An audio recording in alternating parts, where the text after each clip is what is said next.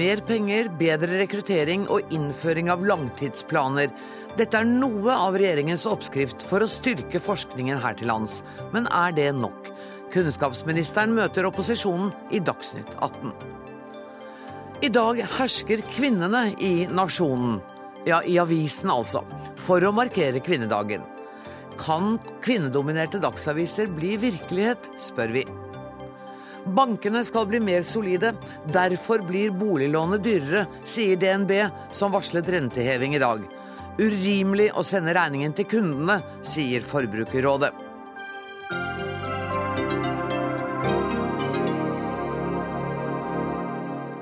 Dette er noe av menyen i Dagsnytt 18 denne fredag 8. mars, og vi markerer kvinnedagen ytterligere ved å invitere til en debatt om det er skamfullt å velge mammarollen foran karrieren. Men først skal det dreie seg om forskning. Økte bevilgninger, etablering av tiårige langtidsplaner, færre midlertidige ansatte. Det var altså noen av punktene i den såkalte forskningsmeldingen som regjeringen la fram i dag. Den tar for seg status og videre veivalg for forskning og utdanning i Norge. Kristin Halvorsen, kunnskapsminister hvis det er mulig, kan du si noe om hva som er det eller de to viktigste tiltakene dere legger fram i meldingen? Ja, Det er at vi skal etablere tiårige langtidsplaner for norsk eh, forskning. Der vi skal se eh, våre viktigste forskningsprioriteringer sammen med det som det er behov for når det gjelder investeringer i kunnskapsbygg, infrastruktur i forskning, stipendiater, eh, studieplasser. Det vil gjøre det det vil være et viktig virkemiddel for å sikre langsiktighet i alle de eh, investeringene vi skal gjøre framover. Sånn at de langtidsplanene de vil være delt inn i forskjellige sektorer, sånn som jeg skjønner deg nå, som gjelder både infrastrukturen, forskningen, eh, selvfølgelig, den akademiske delen, og bygningsmasse og andre ting. Ja, Det som er sikkert, det er at vi kommer til å øke bevilgningene til forskningsformål framover. Og jo mer vi kan se det i sammenheng med de investeringene vi ellers skal gjøre, og spisse det, altså sette oss som mål å øke ambisjonene på noen områder. Vi er jo et lite land i verden.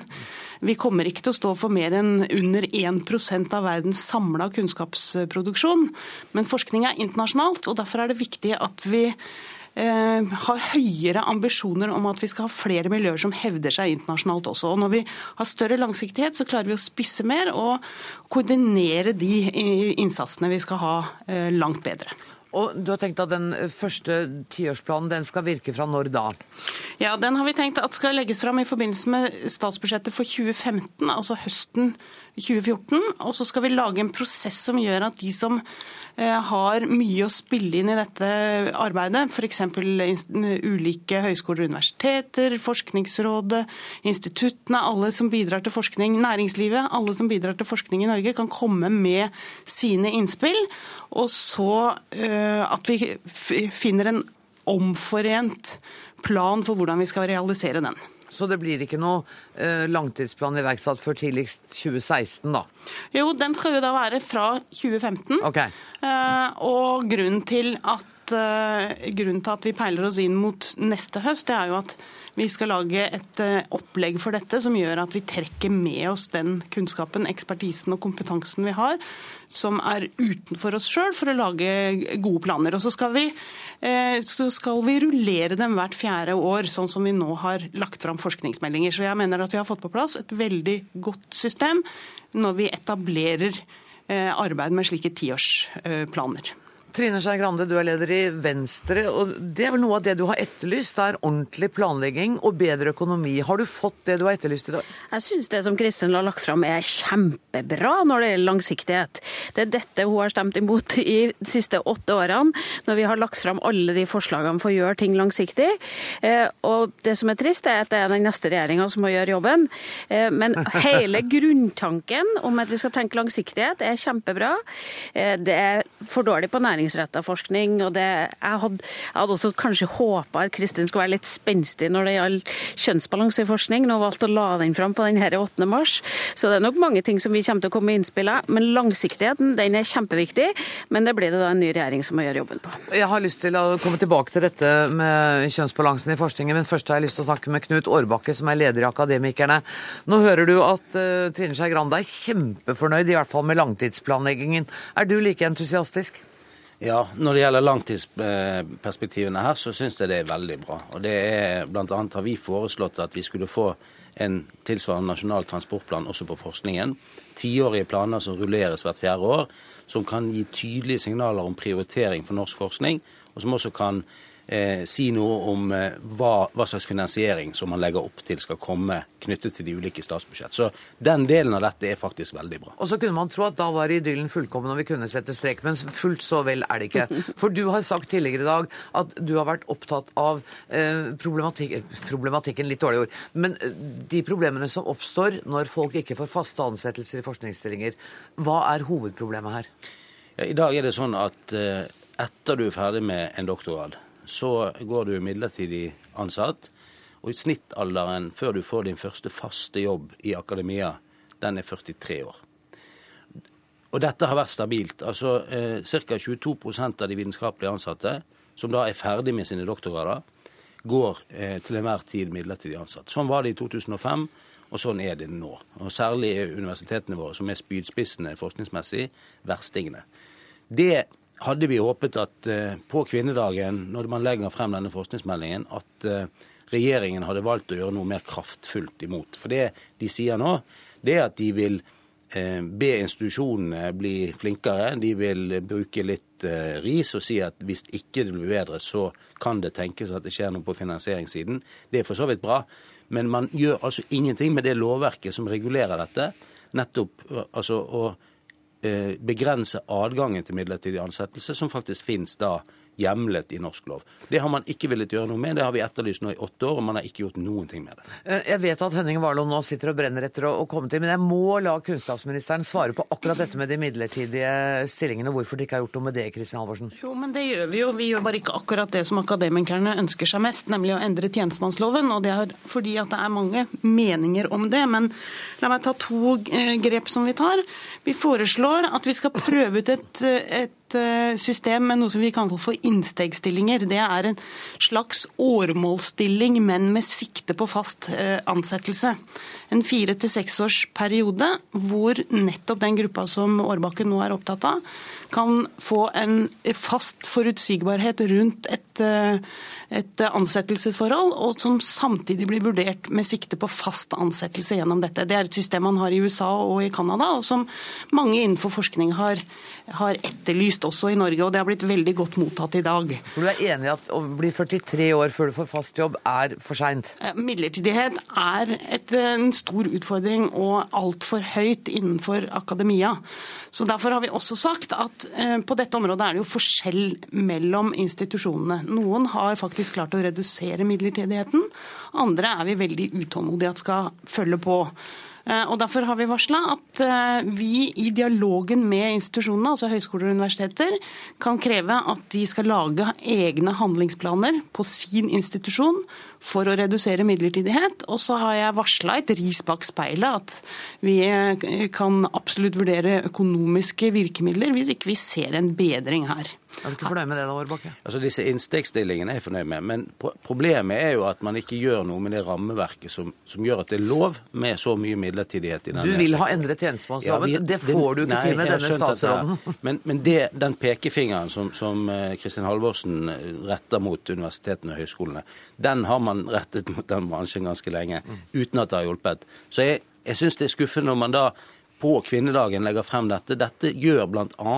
at veldig mange kvinner vegrer seg for å gjøre akademiske karrierer. Fordi at det er vanskelig å kombinere et familieliv med det å gå i tre måneder, seks måneder, ni måneders engasjementer frem til man er midt i 40-årene og barna skal begynne på Men, men videregående. Årbakke, det er jo ikke riktig at ikke det skjer noe. Det går øh, hva skal man si, smått i riktig vei generelt sett, men det er veldig forskjell mellom institusjonene. Så det vi varsler nå, er jo at vi er mye tettere på institusjonene med veldig klare krav til det. Det var ett poeng. Nå må vi slippe til Henning Warloe, som er forskningspolitisk talsmann i Høyre. Etter det jeg har hørt, så har du tidligere i dag sagt at forskningsmeldingen er puslete og lite ambisiøs. Ja, eh, dessverre, må jeg si. For forskning er jo et veldig viktig eh, område. Det handler jo liksom bokstavelig talt om eh, Norges fremtid. Og, og, når statsministeren også har vært på banen ved flere anledninger i det siste og snakket om høyere ambisjoner for forskning og at forskning er veldig viktig, så tror jeg nok det var mange som hadde ventet mer ja, hva da? innhold. Hva hadde du ventet? Jeg hadde ventet større ambisjoner. Jeg hadde ventet noen flere nye tiltak. For det er behov for å gjøre en god del, og eh, Norge har noen utfordringer. F.eks. når det gjelder kvalitet innenfor akademia, f.eks. når det gjelder forskning i næringslivet. Hvis vi skal nå regjeringens mål, så må forskningen i næringslivet tredobles. Og regjeringen tør ikke engang å si når de mener dette målet skal nås. Og det ligger ingen, det ligger ingen strategier eller tiltak for å, for, å, for å, oppnå det. Eh, og så trenger vi mye større grad av internasjonalisering i norsk forskning. All forskning i dag er egentlig internasjonal, og vi må bli flinkere til å henge med i dette kunnskapskappløpet. Eh, og det regjeringen gjør i denne forskningsmeldingen, det er jo faktisk faktisk å så tvil om Norge skal være med fullt ut i neste runde i EUs forskningssamarbeid, som er det aller største og viktigste for oss. Eh, og, og, og det er ganske oppsiktsvekkende. Rydde opp i den tvilen med en gang, kunnskapsminister. Er det tvil om vi skal være med i EUs forskningsarbeid? Nei, men dette er jo ikke et budsjett. Og det er i forbindelse med budsjettet vi kommer tilbake til alt som dreier seg om konkrete bevilgning av penger. Og Horisont 2020, som er det neste store forskningsprogrammet i EU, det skal vi ta stilling til i forbindelse med at vi behandler eh, budsjettet. Men, men er, altså forskning er internasjonalt. Det er ikke noe som heter nasjonal forskning, fordi det fins relevant kunnskap rundt omkring i verden som har eh, interesse nærmest uansett hva vi forsker på i Norge. Så det er et veldig viktig perspektiv. Jeg forlanger jo ikke at Warloe har lest denne meldinga fra eh, perm til perm nå på første dag. Den er veldig godt uh, mottatt, nettopp fordi at uh, alle de som har vært opptatt av forskning lenge, de har sett behovet for mer langsiktighet, og det får de svar på nå. I tillegg er det et annet perspektiv her som jeg har lyst til å heise, og det er at dette er en forskningsmelding som vier utdanning på institusjonene mye større oppmerksomhet enn det som har vært vanlig. Og det er jo fordi at Den viktigste måten å spre forskning på, det er jo at studentene, uansett om de tar en bachelorgrad, at de har med seg en passe dose eh, oppdatert forskning. Og tenkningen rundt hvordan man driver god forskning. Det er viktig. Og så er studentene veldig viktig å rekruttere til forskning eh, videre framover. Så det er også noe som, vært, eh, som, studentene har vært veldig opptatt av, og som vi har tatt med inn i denne meldinga, og som er blitt godt mottatt. Men eh, hvis jeg kan si en ting, programleder, så er det, er det et faktum at i denne forskningsmeldingen her så er målsettinger, konkrete målsettinger strippet vekk. I den forrige forskningsmeldingen for fire år siden så var det en rekke konkrete mål. Og jeg har selvfølgelig ikke hatt anledning til å lese denne fra perm til perm, men jeg har lest en del om de eh, temaene som jeg spesielt har, eh, har vært opptatt av de siste årene. De målformuleringene er helt og, like.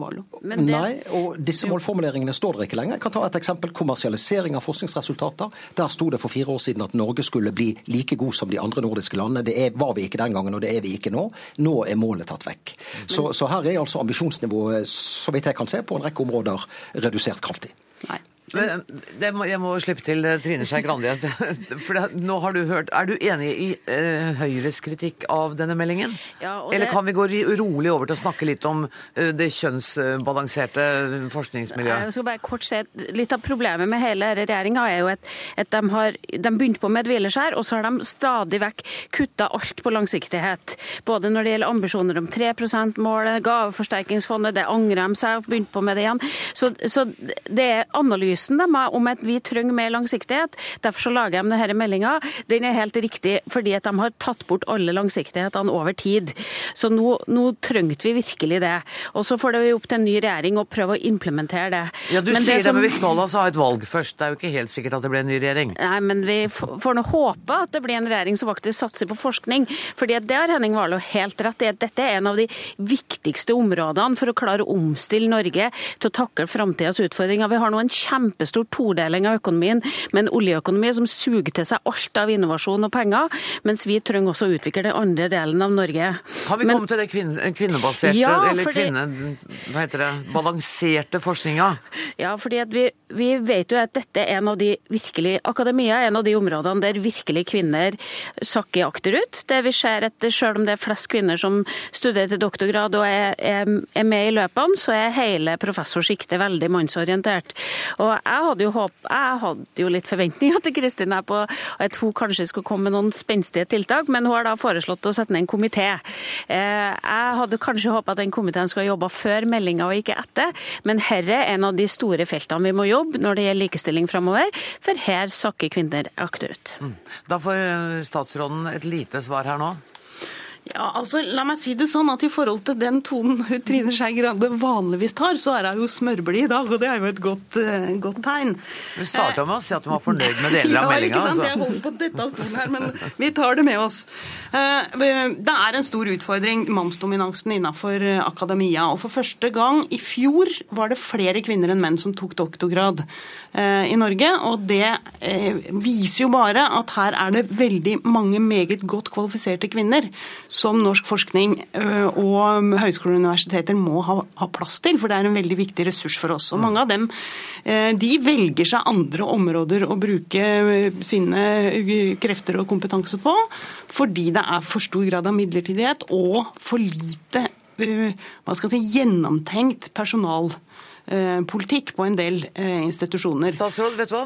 Det uh, høres ut som dere har tenkt å gjøre noe med det. Jeg Ja, har tenkt, det og jeg har tenkt nå å la Knut Årbakke få siste ordet til dette med og hvordan man skal ivareta kvinnene i forskningsmiljøene.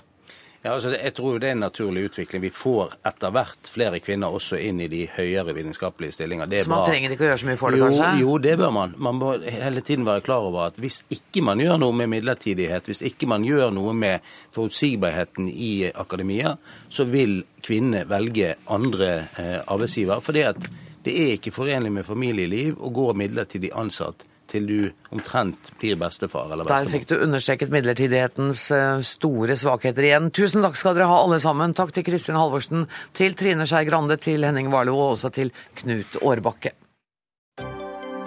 Hør Dagsnytt 18 når du vil, på nettradio eller som podkast. nrk.no – dagsnytt 18.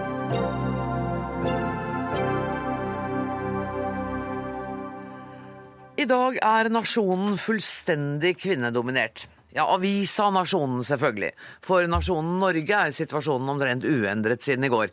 Men kanskje gir denne avisa et frampek når den i dag har kvinner i alle spalter. Kvinnelige journalister, kvinnelige fotografer, kvinnelige kilder, kvinner på bildene, kvinnelige kommentatorer. Sjefredaktør Mari Velsand, eh, jeg på å si vel blåst, godt jobba.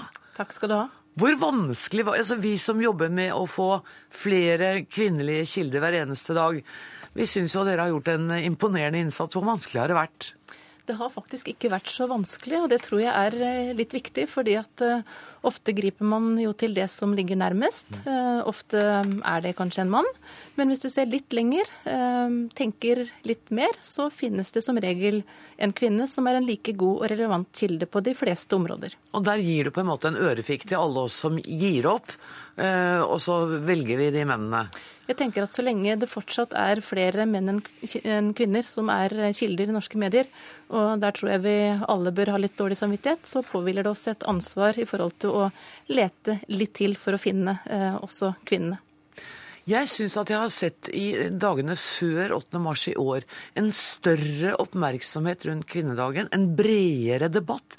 Eh, Er du enig i det?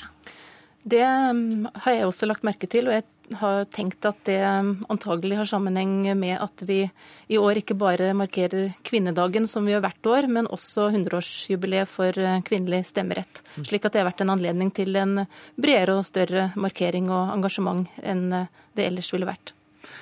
Forfatter Tove Nilsen, velkommen til Dagsnytt 18. Du har eh, gått inn i denne debatten med å skrive en kronikk i, i dag om kvinnekamp. Og du har skrevet kanskje ikke om eh, kvinnekamp i, i bøkene dine i den tradisjonelle forstanden, men det har vært kvinneskjebner. Da du var ung og ung forfatter, Tenkte du noen gang at det skulle være en mulighet at en avis skulle fremstå bare med kvinner i kilder og journalister og fotografer og alt? Altså, jeg synes Det Nasjonen har gjort i dag, da, det er jo selve skrekkeksempelet for de som er redde for feminisering av samfunnet. ikke sant? Så jeg syns det er morsomt som et stunt. Og så er det viktig for å på en måte, hvis, hvis det kan synliggjøre hvor massivt mannlig det er uten at vi tenker over det i noen medier, da. Ikke sant? Og at, at kilder, referanser, ofte er en dyktig mann. Så, så, er det morsomt å lete opp og invitere. fordi det er jo også noe med det der eh, ta rommet Ja. som, som skribent, kommentator. Så kan du si at det er et, eh, et stunt på en dag som i dag, men samtidig så bidrar det jo, tror jeg, til å bevisstgjøre eh, oss. Slik at jeg tror nok at eh, også framover så vil eh, våre journalister f.eks. være mer bevisst på det å finne kvinnelige kilder. Tror du stoffvalget i dagens Nasjonen er annerledes fordi det bare er kvinner som har jobba med det? Akkurat i dag så handler det jo mye om kvinner, fordi at det er den dagen eh, det er. Eh, Jeg tror ikke nødvendigvis eh, ellers at det er så stor forskjell på hva kvinner og menn skriver om. Jeg tror det viktige er at det er eh, noen av begge kjønn som både skriver og som er kilder, fordi at eh, da blir det mer variert enn om det bare er eh, ett av dem. Det at nasjonen har valgt å gjøre dette, Tove Nilsen, det betyr jo at det er fremdeles et stykke vei før kvinnene tar den plassen i det offentlige rom. Da, da du begynte å skrive, du ble tidlig en veldig anerkjent og prisbelønt forfatter, var det noen gang et problem for deg at du skulle ut i det offentlige rom? Ja, det er klart. Altså, det er noe som Det tror jeg faktisk på tvers av kjønn at folk er. Altså, man er redd for det i, i en startfase. Det er skremmende å skulle tenke jeg skal skrive bøker, jeg skal skrive kronikker. Altså, fremdeles er jeg nervøs for det, men heldigvis så, så gjør man jo det man er nervøs for. Og det å, å ta et rom, tenke at du faktisk har en stemme. Eh, Det, det har jeg gjort hele tiden og kommer til å fortsette med. Men det, det jeg syns er så, så spennende med, med 8. mars akkurat nå eh, fordi jeg tror nok eh, all oppmerksomheten og at det, at det er bredere dekning i år eh, har med dette jubileet å gjøre. Men jeg tror også det har noe med en tid hvor det kommer opp helt nye spørsmål igjen, som vi kanskje trodde vi var ferdig med. Vi i min generasjon tenkte jo i en periode at nå har vi gjort mye, nå, nå er det bare de unge, og så, så kan vi hvile oss. Men så kommer nye spørsmål. Noen vil rokke ved abortloven igjen. Vi får helt andre spørsmålsstillinger fordi vi ikke lenger er et etnisk hvitt land, ikke sant? Og det skriver du om i i kronikken din i dag også, dette med dem og oss, altså de kvinnene som ikke er etnisk norske. Og har, de har jo enda ikke fått det rommet i det norske samfunnet til å ytre sin stemme i De samme grad det. som oss. De må ta rommet, og mange av dem gjør jo det. Noen gjør det. Ikke sant? Mm. Tar det selv. Uh, og jeg synes jo noe, det er noe av det tristeste som jeg skriver, som har skjedd det siste tiåret, den eh, at man tok opp igjen uh, også dem. Fordi i en periode gjennom 80-tallet så var det gjennomdiskutert at det heter ikke oss og dem. Ikke sant? Og at vi. må lytte til hverandres stemmer fordi vi utgjør et stort vi. Eh, Og så kom dette som sivet ut i det offentlige rommet igjen, at man begynte å snakke om de stakkars hijabkledde jentene. Og det ligger en nedlatenhet i det som jeg er veldig på vakt mot.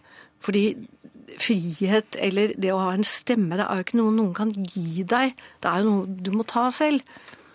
Og så må andre være villige til å lytte. tenker jeg. Det, det, det høres litt lett ut å si at du må, ta, du må gjøre det, du må ta det selv, men det forutsetter jo at det er noen i det rommet som gidder å høre hva du har å si. Jo, det forutsetter at man arresterer f.eks.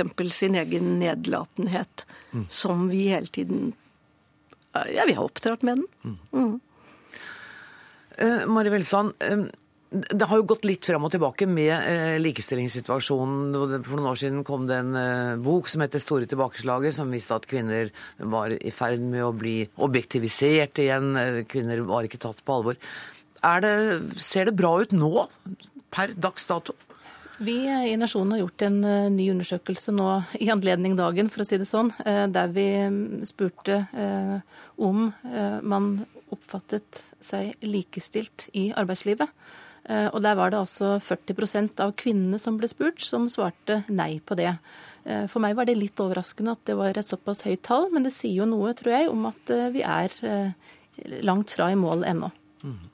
Men, og det er kanskje litt overraskende, for den der voldsomme entusiasmen du og kvinnene på 70-tallet hadde, så man hadde jo ikke trodd det skulle ta såpass lang tid. Nei, men det tror jeg har noe med Hvis man er politisk tenkere, så tror man ofte, hvis man har vært med på en intens periode, eh, ikke sant, hvor man jobber med samfunnsspørsmål, og så, og, så, og så seirer man til og med på noen punkter, og da tror man jo at å, nå er det gjort. Men, men da glemmer man jo den der dynamikken som hele tiden og så, så, Plutselig, det er jo veldig få av oss for eksempel, som kunne spå hvordan Europa skulle se ut i 2013. For ti år siden så hadde vi ikke tenkt det, og, og sånn er det jo med de backlashene som kommer i, i, i, i kvinnebildene òg, da. Jeg hadde ikke tenkt at det skulle være så mange unge jenter som var så livredde for hvordan de så ut. Så Det kommer trodde det jeg ikke. nye ting som eh, du Tove inne på. Eh, Og så har det jo vært sånn at eh, vi kvinner har da villet gjøre det som menn alltid har gjort. Og så har vi i tillegg skulle gjøre det som kvinner alltid har gjort. Og så har det kommet noen ekstra ting i tillegg. Så jeg tror jo at eh, en viktig diskusjon vi må få framover, er eh, hvordan vi skal få dette til. Det er rart, for at den diskusjonen skal vi ha i Dagsnytt 18 i dag, litt seinere. Er Etter, etter at det er gått. Eh, Men, men Tove Nilsen, du sier at du er overrasket over at så mange kvinner er så opptatt eh, av hvordan de ser ut, og du sier at Botox-feminismen trenger vi i hvert fall ikke. Hva skal vi gjøre for å kvitte oss med den, da? Nei, det er jo Hvis jeg hadde noe svar på det, så ville jeg jo revolusjonert livet til eh, 15-åringene og 25-åringene og mitt eget eh, tanke. Altså det, det Men det er noe med hva skal jeg si? Altså jeg husker i hvert fall Jeg ville òg være veldig pen, og, og, man var opptatt altså Det bildet av de der bitre hurpene som brant BH-en, det er jo en, en, en, en fiksjon, ikke sant? Men, men, men jeg kan ikke huske som ung kvinne eller som 25-åring, 30-åring, at, at det presset på eh, å se ut som en glossy, perfekt figur, at det var sånn. Men det har jo like mye med en sånn gjennomkommersialisering av samfunnet, hvor du kjøper deg en ny kropp etter hvert. Og den diskusjonen er vi helt nødt til å ta ved en annen anledning, men det var eh, veldig hyggelig å ha dere her. Jeg bare avrunder med å si gratulerer med dagen til eh, Mari Welsand og til eh, Tove Nilsen.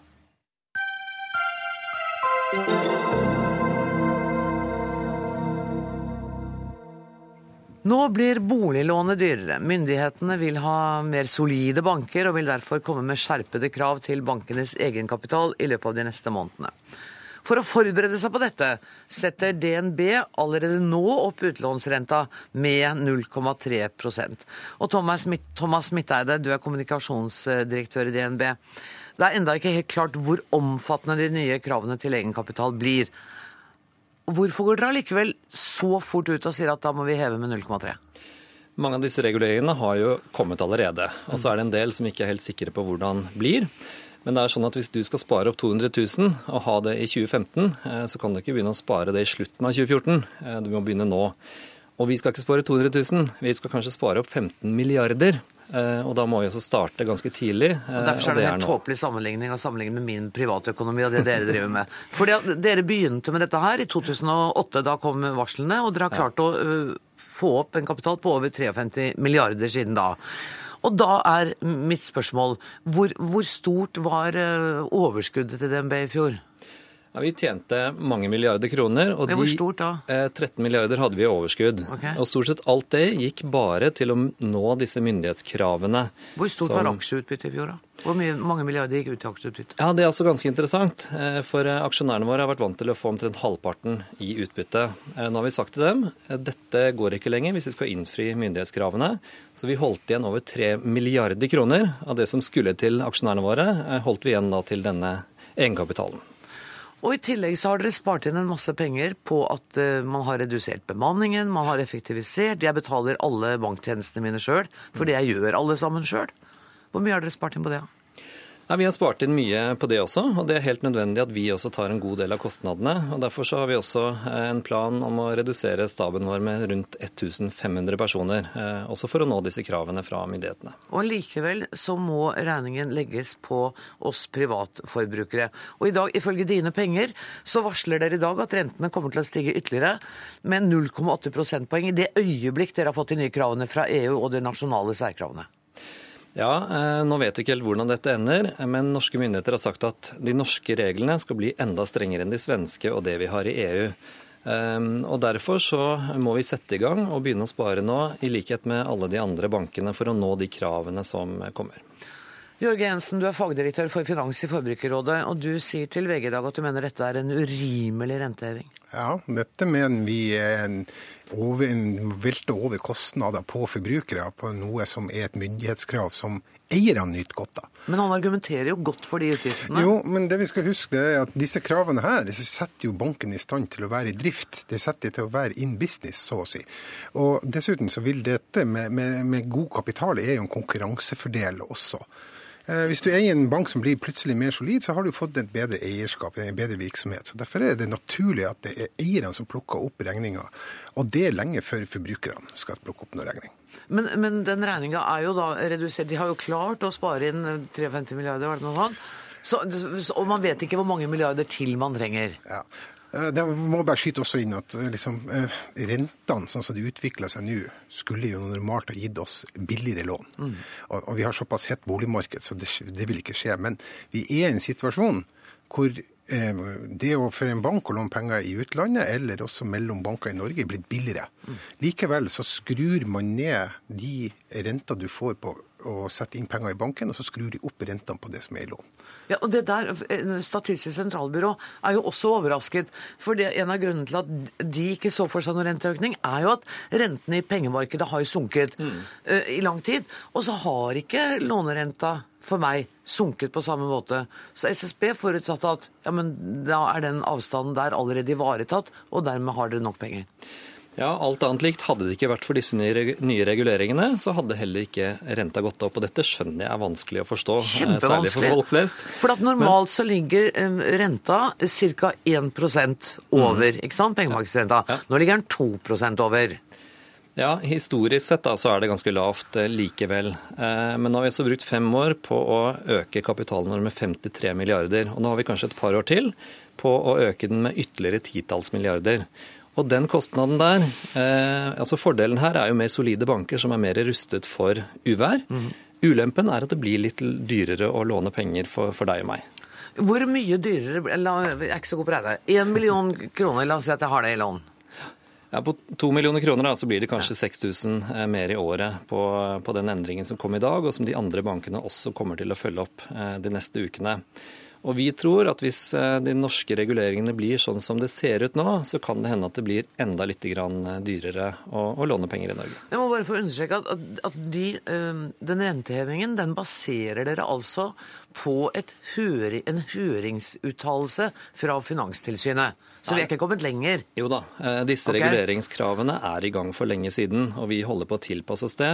Det som kom denne uka fra Finanstilsynet, sier de selv kommer til å tilsvare en boliglånsøkning på ca. 0,3 prosentpoeng, og det er det vi ser nå. Ja, altså det er den som Ja, nettopp. Uh, ja, nå har vi begynt å komme litt av tallene til Finanstilsynet, og de sier jo da også at det her er snakk om et beløp for 10 til, mellom 10 og 11 milliarder kroner. Og dette er en eh, utgift som legges på en bransje som hadde et overskudd på 37 milliarder i fjor. Eh, for meg er det også veldig vanskelig å forstå at dette så umiddelbart skal veltes over på kundene. Det vi ser, er at det finnes konkurrenter til eh, DNB som har gått ut i dag og sagt at vi endrer ikke rentene våre. Og det, jeg har bare sett de som sier at vi ja, kommer til å følge med. Det finnes to, noen, noen, av de skarpeste konkurrentene. Og da kommer vi forbrukere. Da skal vi gå og ta eh, forbrukermakta. Så skal vi gå og reforhandle våre lån med DNB og si at dette aksepterer vi ikke. Tror du de blir kjemperedde i DNB hvis du og jeg går og sier at da Nei, vet du hva. Hvis mange nok altså gjør det, vet du. Ja, kan det, men kan det få dem til å snu? Altså, Kan, kan forbrukermakta benyttes sånn at denne rentehevingen ikke blir noe av? Ja, men da er det en del av oss som må skifte atferd. fordi at uh, Selv om bankene sier at det er så skarp konkurranse i boliglånsmarkedet, så er det bare 4-5% av oss som bytter leverandør. Så her må vi bruke forbrukermakta, vi må gå ut og så må vi vurdere de nye andre bankene. De bankene som har sagt at de ikke skal endre.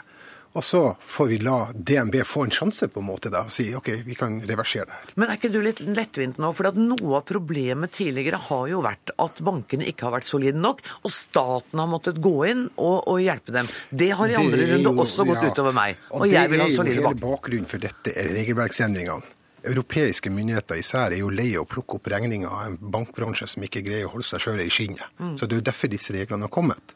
Så Det man skal gjøre nå, det er å la banker ta ansvar for sin egen utlånsgiver.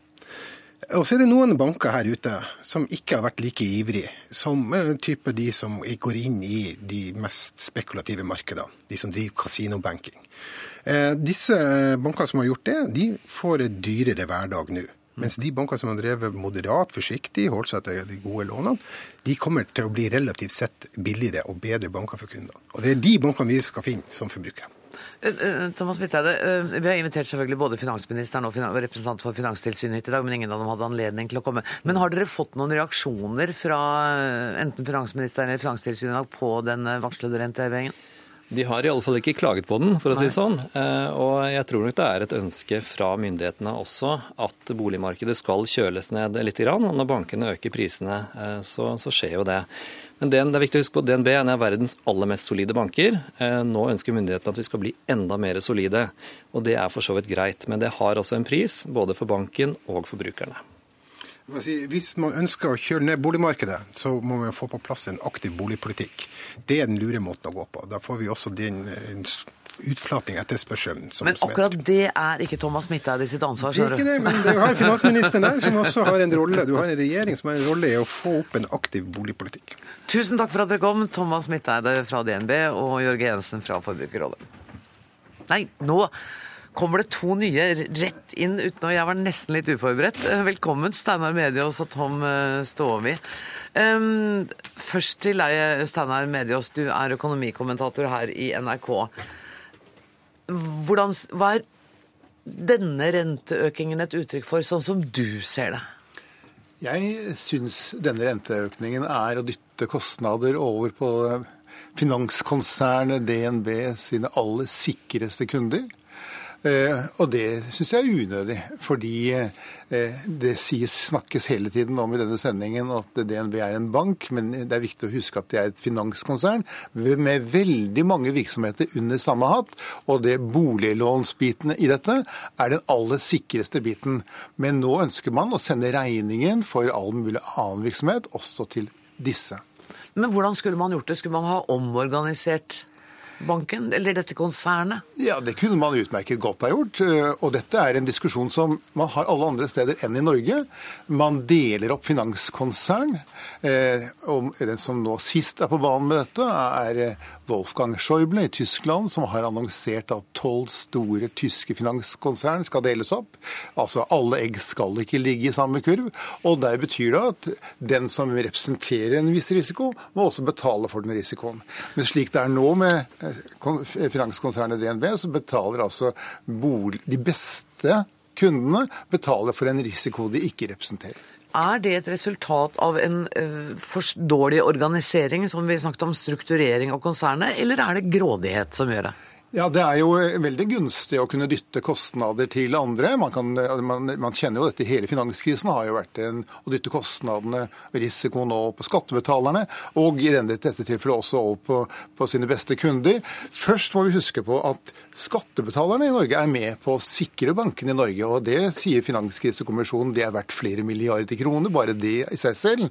Eh, og det at de nå ikke deler opp finanskonsernet, slik man nå har faktisk snakket om etter finanskrisen. Og hvorfor snakket man om det? Jo, fordi at disse enorme finanskonsernene som gikk over ende, Lehman Brothers husker vi alle, de er så store at man kan ikke la de gå konkurs. Og de store too big to fail banks har blitt enda større etter krisen. Og det må vi gjøre noe med, også i Norge. Tom Stove, redaktør for Dine Penger. Eh, hvordan vurderer du dette? Er du enig med Medias? Ja, ikke helt. Eh, fordi at For det første er det jo sånn at eh, de ulike utlånsengasjementene til bankene er jo vurdert ulikt i de kapitalkravdokumentene som dukker opp. Det betyr at eh, banken må ha mindre egenkapital bak et sikkert boliglån enn det må f.eks. ha bak et shippingengasjement i Latvia eller hva det måtte være, mm. som er mye mer risikabelt. Så det fins jo en, eh, en, Det er gjort en vurdering av det. Men jeg vurderer det DNB nå gjør som et spill spill. Altså Det ligger et element av et spill i dette mot norske myndigheter. Fordi, eh, og det kan man jo for så vidt være enig med DNB i. De ønsker jo å ha de samme reglene som man har i Sverige og Danmark f.eks. Og Svenskene ligger foran oss på å utvikle dette regelverket, og der har man kommet frem til noe eh, såkalte egenkapitalvekter for boliglån, som er lavere enn det finans Finansdepartementet og Finanstilsynet i Norge foreslår for norske banker. Det vil gi en konkurranseskjevhet i forholdet mellom norske banker og uh, andre nordiske banker. Sånn at uh, Jeg tror DNB tenker sånn at nå går vi veldig høyt ut på banen. Uh, smeller til med 0,3 prosentpoeng i dag. Varsler om nye 0,8 og håper at man klarer med det å rette skytset mot både departementet og tilsynet, slik at de tar en ny vurdering av dette. Men jeg tror at det sitter både et departement og et tilsyn som faktisk ønsker å kjøle ned boligmarkedet i Norge. Det er jo sånn... På bekostning av den konkurransevridningen som man da kan få i forhold til Sverige og Danmark? Ja, for så vidt. Fordi at eh, ikke sant, Norges Bank er bundet på hender og føtter. De kan ikke øke rentene. Da går norske kroner rett i taket, og det, eh, da dunker vi ut all eh, eksportindustri, så det kan vi ikke gjøre. Sånn at, og, så har man jo prøvd dette virkemidlet med å, å kreve 15% egenkapital når man skulle ta boliglån. Selv det har jo ikke virket. Nå er det jo litt rart da, at staten låner ut uh, penger gjennom denne startlånordningen. Og i dag har foreslått at uh, de lånene skal få løpe i 50 år. Ja. Forstå det, den som kan. Men, men poenget er at uh, jeg tror Finansdepartementet og Finanstilsynet her ser en glimrende mulighet til nettopp å straffe boliglånskundene, slik at bankene er nødt til å heve renten for den gruppa. Og Finansdepartementet vil ikke reversere. Men dere, eh, nå hørte vi Forbrukerrådet her si at eh, nå må folk bruke forbrukermakta si. Og så må de gå og finne den billigste banken. Er det det som er kan, kan jeg bare få lov til å si en ting til? Klart du kan. Uh, og det er at det er, vi må slutte å sutre. Hva? Vi må slutte med sånn der nå må bankene ikke gjøre dette, vær snille med oss. Det er litt deilig å sutre ja, men det Er bare tull. Altså, poenget er bankens hovedoppgave er å gjøre sine eiere steinrike. Mm. Og etter at DNB meldte dette i dag om at de økte rentene med denne børsmeldingen, så har altså DNB-aksjekursen lagt på seg 6,5 milliard kroner bare i dag. Så, stat, okay, så, så staten f.eks. har jo blitt kjemperik i dag. Har jo tjent masse penger. Men, men altså, bare, du må sjekke markedet. Det er forbrukernes oppgave i ethvert marked å lage konkurranse mellom tilbyderne. Og det er altså helt hysterisk enkelt å få, gode, uh, få god oversikt over hva du har vært som lånekunde for ulike banker. Det er lett for deg å si, det som kan dette her. Nei, nei, det, jeg ja, men Hvis jeg får lov til å nevne det, så er jeg det er deleier i en tjeneste som heter Penger ennå. Skryt av det. og Der kan du bare, du kan bare legge inn og få få, tre lånetilbud tilbake igjen. Og, så dette er nå, og det kommer flere slike tjenester.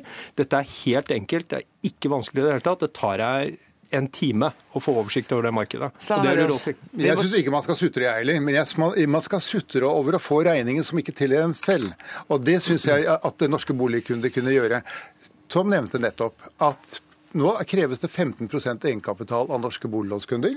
Det skulle jo gjøre dem enda sikrere enn før. Da er det jo faktisk en skikkelig margin. Og Merkelig nok så er de nå regnet som enda mer usikre etter at dette egenkapitalkravet hadde kommet. Så det er det jeg sier. Det hadde vært bedre å ha eggene i hver sin kurv enn å blande alle sammen. Fordi det er slik at boliglånskundene nå betaler for en risiko de selv ikke representerer. Alle eggene er i hvert fall ikke helt knust ennå. Tusen takk for at dere kom, Steinar Mediås fra NRK, Tom Stavi, redaktør for Dine penger.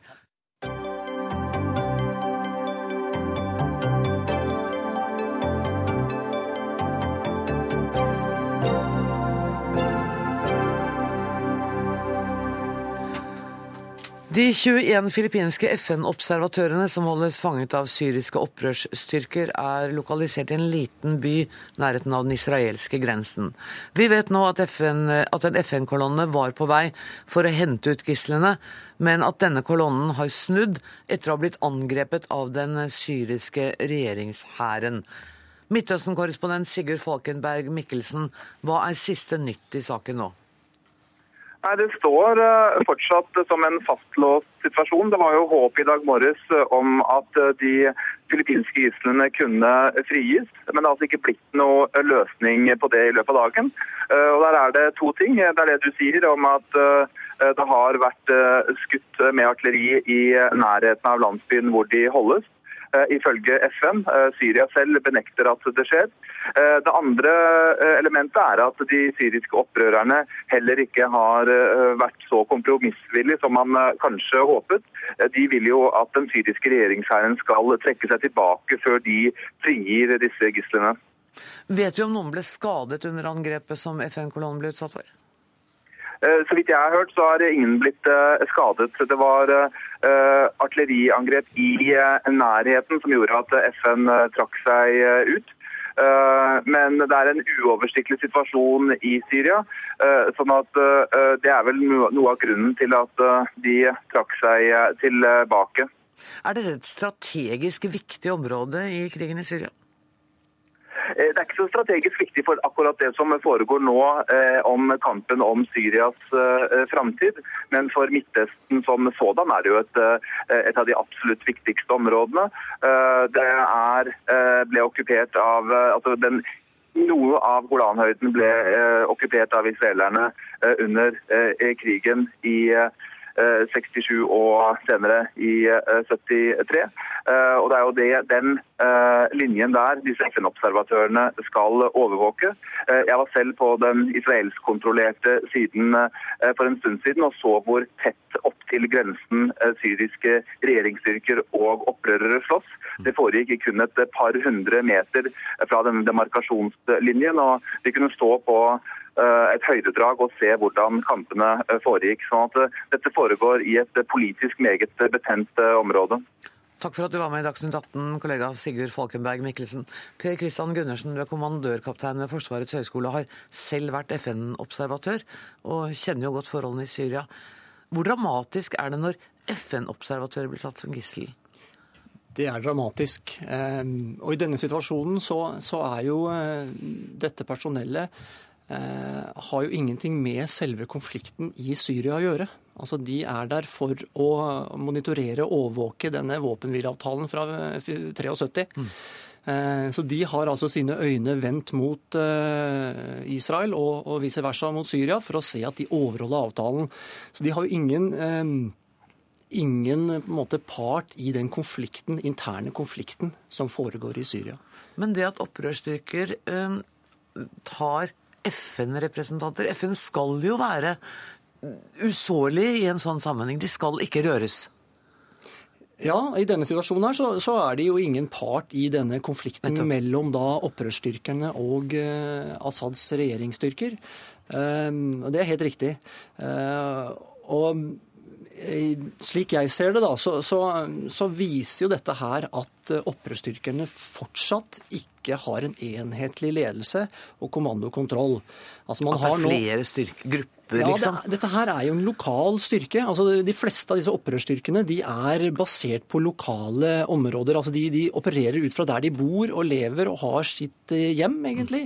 Og så er det da unge menn, det så vi jo på denne videoen eh, som er, som er lagt ut. Det er unge menn på en måte som, som da er selvfølgelig frustrert fordi at nå har kampen altså nådd landsbyen deres.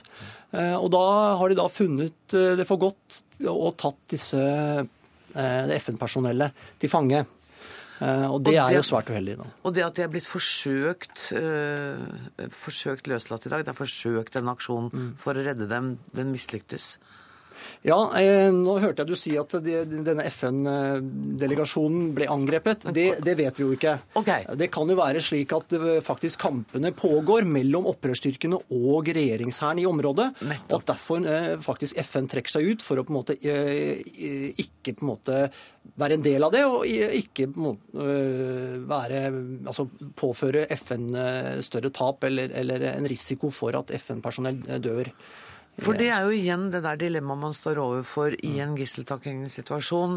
Skal man angripe, risikere at gislene dør? Vet du noe om hvilke vurderinger som gjøres i FN sentralt når det er kriser som dette? Nei, det, det, blir eh, spekulasjoner fra min side. Det ønsker jeg ikke. Det jeg kan si er at denne styrken uh, som står der, altså UNDOF, uh, United Nations Disengagement Observer Force, den er, består altså av rundt 1000 uh, mann. og Det er en østerriksk bataljon, det er en filippinsk bataljon, det er en japansk logistikkelement og noen kroatere og indere. Den er veldig lett oppsatt. altså Den har lette våpen, den har lette kjøretøyer, så den er jo ikke på en måte en, en, en utgjør ikke noe trussel for noen av partene. Den er der bare for å monitorere og, og se til at denne våpenhvileavtalen eh, overholdes. Fra, og det har man gjort. Altså Det har vært et stille og rolig område eh, i alle år, egentlig, siden, eh, siden, man fikk til denne våpenhvileavtalen. Eh, så Sånn sett så er, er dette her eh, jeg vet ikke om det er dramatisk. Det er dramatisk at de er tatt. Eh, jeg eh, tror jo at dette her eh, finner en, en løsning på etter hvert. fordi det, det, her gagner helt klart ikke opprørerne å på en måte gå på tvers av det internasjonale samfunnet og gjøre noe sånt. Og mm, jeg tror heller ikke du kan si at dette gagner Assad sånn sett. Så, så jeg tror dette her finner sin løsning. Men altså, Det du sier, er jo at de, det bør finnes en løsning. Men når grupperingene i opprørsstyrkene er så lite koordinert og uten en felles ledelse, så tenker jeg hvem skal på en måte gi beskjed til disse unge menneskene om at dette har dere ingenting å tjene på? Eh, jeg, jeg, tror jo det at denne nasjonalkoalisjonen av opprørs- og revolusjonsstyrker, som nå er da den både politiske og militære ledelsen, som, som uh, står fram som en, uh, de som leder uh, både den politiske kampen mot Assad og det militære, nok gir nå signaler nedover i systemet, hvor de prøver å påvirke denne Jarmuk martyrene, som de kaller seg, mm. og si at nå må dere faktisk ta rev i seilene. Nå må dere frie disse her. Dette gagner ikke vår sak. Og frie de så fort som mulig. Ja, fordi at tiden arbeider jo ikke for gislene her heller. Nei. Tusen takk for at du kom eh, til eh, studio, eh, kommandørkaptein Per Christian Gundersen.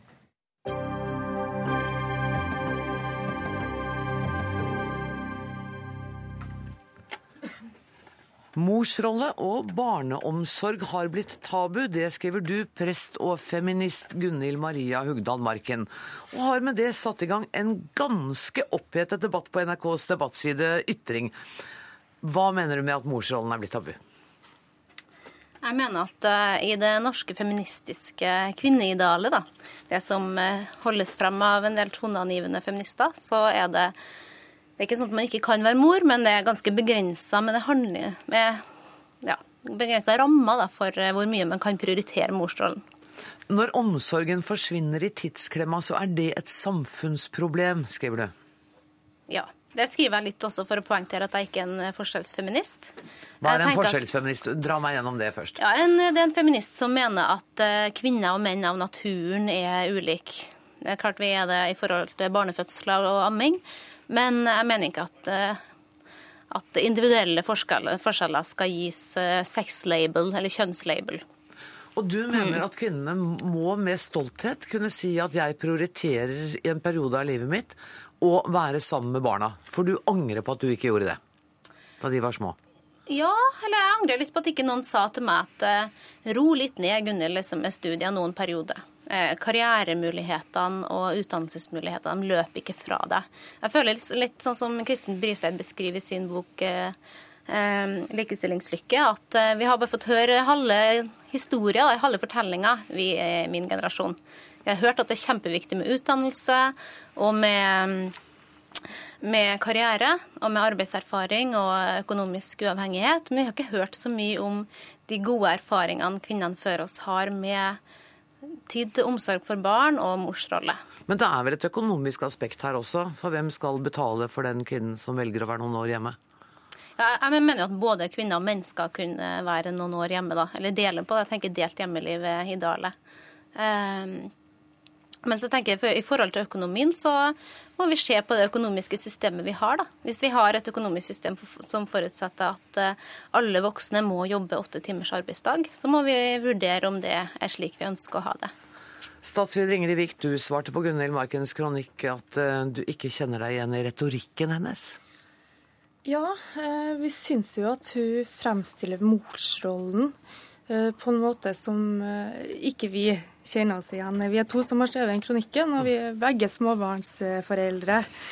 Eh, vi syns at den mammarollen har blitt veldig glorifisert de siste årene gjennom eh, sosiale medier, gjennom mammablader, mammablogger. Så vi kjenner oss helt igjen i den retorikken som eh, Marken her bruker da, på den nye mammarollen.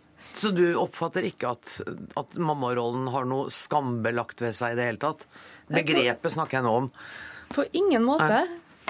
Og vi mener også at det er veldig legitimt å snakke om alle disse tingene som du sier at du skammer deg over. F.eks. det med tidsklemme, dårlig samvittighet for at du sitter en time lenger på jobb og alt det der. Det er jo det folk sitter og snakker om rundt lunsjbordene og i barselgruppa. Så det er den retorikken her vi ikke kjenner oss igjen i, i det hele tatt, faktisk. Men det eh, Gunnhild Maria Hugdal Marken mener er kanskje at det kunne vært deilig å ha hatt en tilværelse hvor man slapp å snakke om tidsklemma fordi man var mor. Og der er vi faktisk helt enige, for vi mener at småbarnsforeldre, når ting blir for tøft, så ta de grepene, da. Jobb litt redusert i perioder, men del på ansvaret. Det er så innmari skjev kjønnsfordeling hvem som velger å jobbe redusert. 40% kvinner mot bare 14% menn. Dette er et problem.